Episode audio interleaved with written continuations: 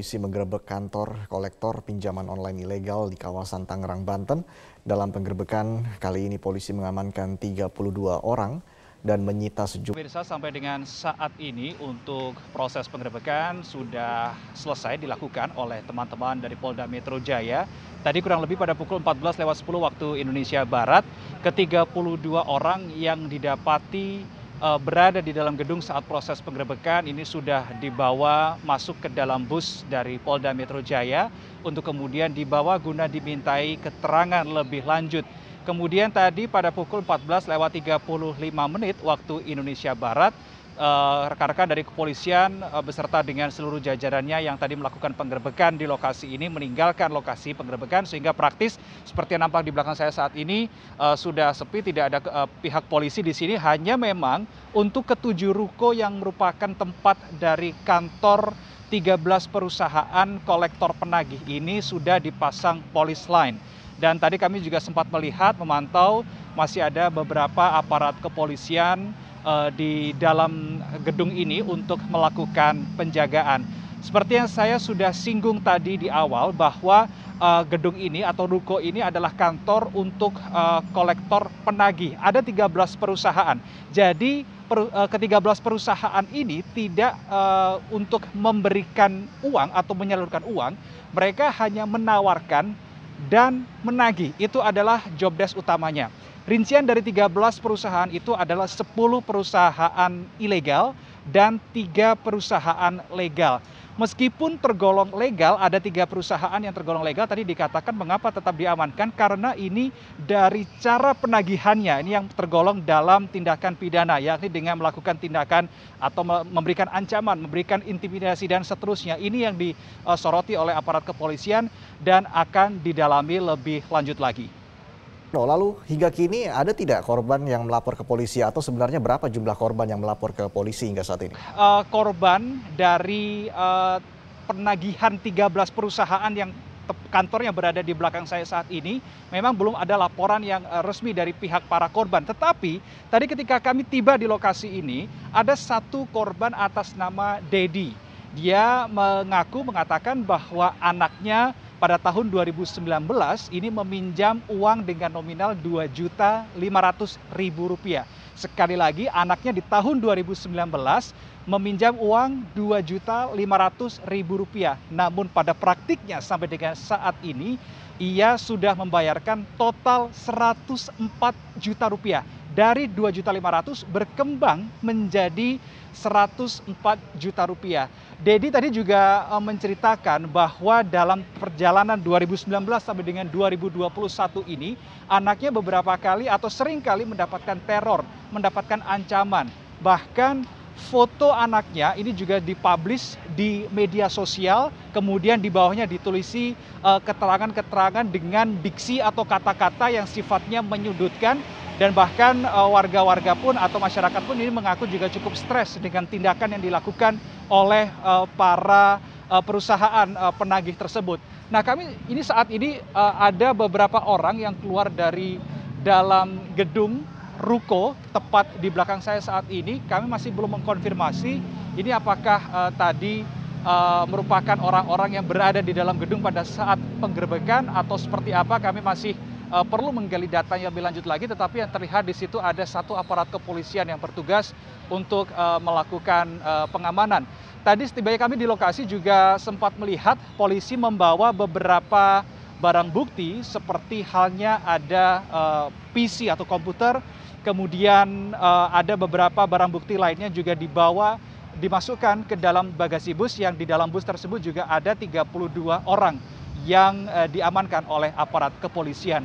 Pemerintah Provinsi Kalimantan Selatan berjanji akan segera menyelesaikan pembayaran insentif tenaga kesehatan yang masih tertunggak dalam penanganan pandemi COVID-19. Tunggakan insentif nakes mencapai 6 miliar rupiah terjadi karena masih dalam proses pengumpulan dokumen. Tunggakan insentif tenaga kesehatan di Kalimantan Selatan ini diketahui dari rilis Badan Pengawas Keuangan dan Pembangunan atau BPKP Provinsi Kalimantan Selatan yang nilainya mencapai 6 miliar rupiah untuk pembayaran insentif tenaga kesehatan di Provinsi Kalimantan Selatan dari bulan April hingga Agustus 2021. Tunggakan terbesar terjadi di bulan Juli dan Agustus atau saat terjadinya peningkatan jumlah pasien terutama tiga rumah sakit milik pemerintah Provinsi Kalimantan Selatan. Hal ini pun direspon Pemprov Kalimantan Selatan lewat Kepala Dinas Kesehatan Provinsi Kalsel yang akan segera melakukan pengumpulan berkas dokumen penunjang agar insentif nakes segera cair di mana total tunggakan insentif tenaga kesehatan di tahun 2021 sebesar 94 miliar rupiah dan hingga bulan Oktober 2021 baru dibayarkan 49 miliar rupiah sehingga masih ada tunggakan sebesar 39 miliar rupiah. Berdasarkan data dari BPKP Provinsi Kalimantan Selatan, tidak hanya Pemprov Kalsel yang melakukan penunggakan insentif nakes, tapi juga sejumlah kabupaten di kota Kalimantan Selatan. Dari 13 kabupaten kota di Kalimantan Selatan, ada 9 daerah yang menunggak. Ada kota Banjarbaru dengan tunggakan terbesar, yakni 12 miliar rupiah lebih. Jika sampai akhir tahun tunggakan tidak dibayar, maka Pemprov akan mendapatkan sanksi dari Kemendagri. 21 karena dia dianggarkan di pemerintah daerah setelah mendapatkan DAU dan DBA dari pusat ya ini ada kemacetan ya jadi kita uh, mencatat Eh, sejauh ini dari 94 miliar tunggakan itu uh, baru dibayar 49 miliar. Kalau dilihat dari uh, usulannya memang belum lengkap, jadi belum lengkap. Nah hari ini kita desak agar semua paskes, terutama yang ada di provinsi, ada rumah sakit Ulin, ada rumah sakit Sari Saleh, ada rumah sakit uh, Sembang Liung, ya, uh, COVID itu saya minta target paling tidak Rabu sudah sudah ada data-data dukungnya dan berapa jumlahnya? Ya, jumlahnya. Karena ini juga kemarin disampaikan oleh Pak Gubernur segera ya segera. Oleh karena itu kita minta agar rumah sakit segera mengusulkan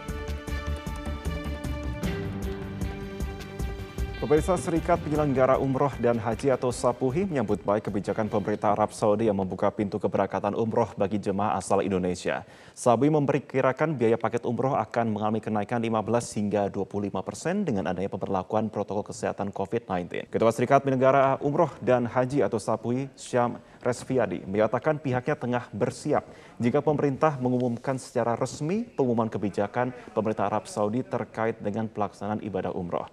Namun pihaknya berharap pemerintah memberi jeda waktu bagi para penyelenggara umroh sebelum masa pembukaan untuk melakukan koordinasi dengan pihak penerbangan, penginapan, serta fasilitas-fasilitas jemaah lainnya. Sam menyatakan bahwa harga paket umroh diperkirakan akan naik sebesar 5 hingga 8 juta rupiah dikarenakan penerapan protokol kesehatan di antaranya pembatasan jumlah orang di setiap kamar dan kapasitas transportasi menjadi 50 persen. Taman angka ini disebut belum termasuk biaya tes PCR dan karantina, di mana menurutnya jemaah yang akan diberangkatkan akan diatur secara rata. Rendahnya capaian vaksinasi COVID-19 pelajar di Bulukumba, Sulawesi Selatan membuat Dinas Kesehatan Bulukumba berkolaborasi dengan TNI Polri melakukan metode jemput bola melakukan vaksinasi COVID-19 massal untuk pelajar. Setiap harinya Dinas Kesehatan Bulukumba bersama TNI dan Polri mendatangi sekolah-sekolah, khususnya sekolah menengah atas dan kejuruan, untuk melakukan vaksinasi COVID-19.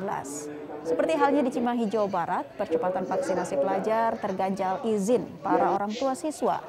Sementara proses pembelajaran tatap muka sudah mulai berjalan. Saat ini vaksinasi pelajar di Bulukumba masih rendah, yakni baru mencapai 9,7 persen untuk vaksin dosis pertama, 1,2 persen vaksin dosis kedua, dan dari total target pelajar 43.695 orang pelajar. Pemerintah daerah Jeneponto, Sulawesi Selatan mengambil langkah tegas membuat aturan segala kepengurusan di kantor pemerintahan Kabupaten Jeneponto harus melampirkan kartu vaksin. Pemerintah Kabupaten Jeneponto mulai memperlakukan aturan melampirkan kartu vaksin untuk pengurusan dokumen di kantor Dinas Kependudukan dan Catatan Sipil Kabupaten Jeneponto. Di antaranya mengurus kartu tanda penduduk. Langkah ini dilakukan karena masih minimnya kesadaran masyarakat Jeneponto untuk melakukan vaksinasi COVID-19 dan menerapkan protokol kesehatan saat beraktivitas di luar rumah. Bupati Jeneponto Iksan Iskandar mengatakan pihaknya mengambil langkah tegas sebagai jalan edukasi pada warga tentang pentingnya vaksinasi untuk mencegah penularan COVID-19. Bagi warga yang tidak melampirkan kartu vaksin dalam melakukan kepengurusan berkas, maka akan ditunda sampai mereka memiliki kartu vaksin. Lewong Seni, sebuah sarana edukasi yang digagas komunitas Sanggar Sastra Purwakarta untuk memukuk kecintaan anak terhadap sastra. Jadi rasa cintanya ini dipupuk sejak dini. Ini sekaligus menjadi wadah dalam menampung bakat anak terutama penulisan dan pembacaan puisi. Menariknya di Lewong Seni proses belajar sastra dilakukan melalui permainan, kemudian berdiskusi bersama serta uh, diselenggarakan uh, lomba antar siswa karena lokasi sekolah juga lebih menyerupai tempat wisata dan sejuknya pepohonan bambu membuat siswa di sini menjadi lebih semangat untuk belajar sastra. Rudi Aliruda, sang penggagas komunitas, membangun sekolah literasi ini dengan kocek sendiri dibantu oleh beberapa relawan. Ia ingin agar kesan sastra yang tidak kekinian berubah ini menjadi lebih diminati anak-anak muda dan geliat kehidupan sastra di kalangan anak muda tetap terjaga.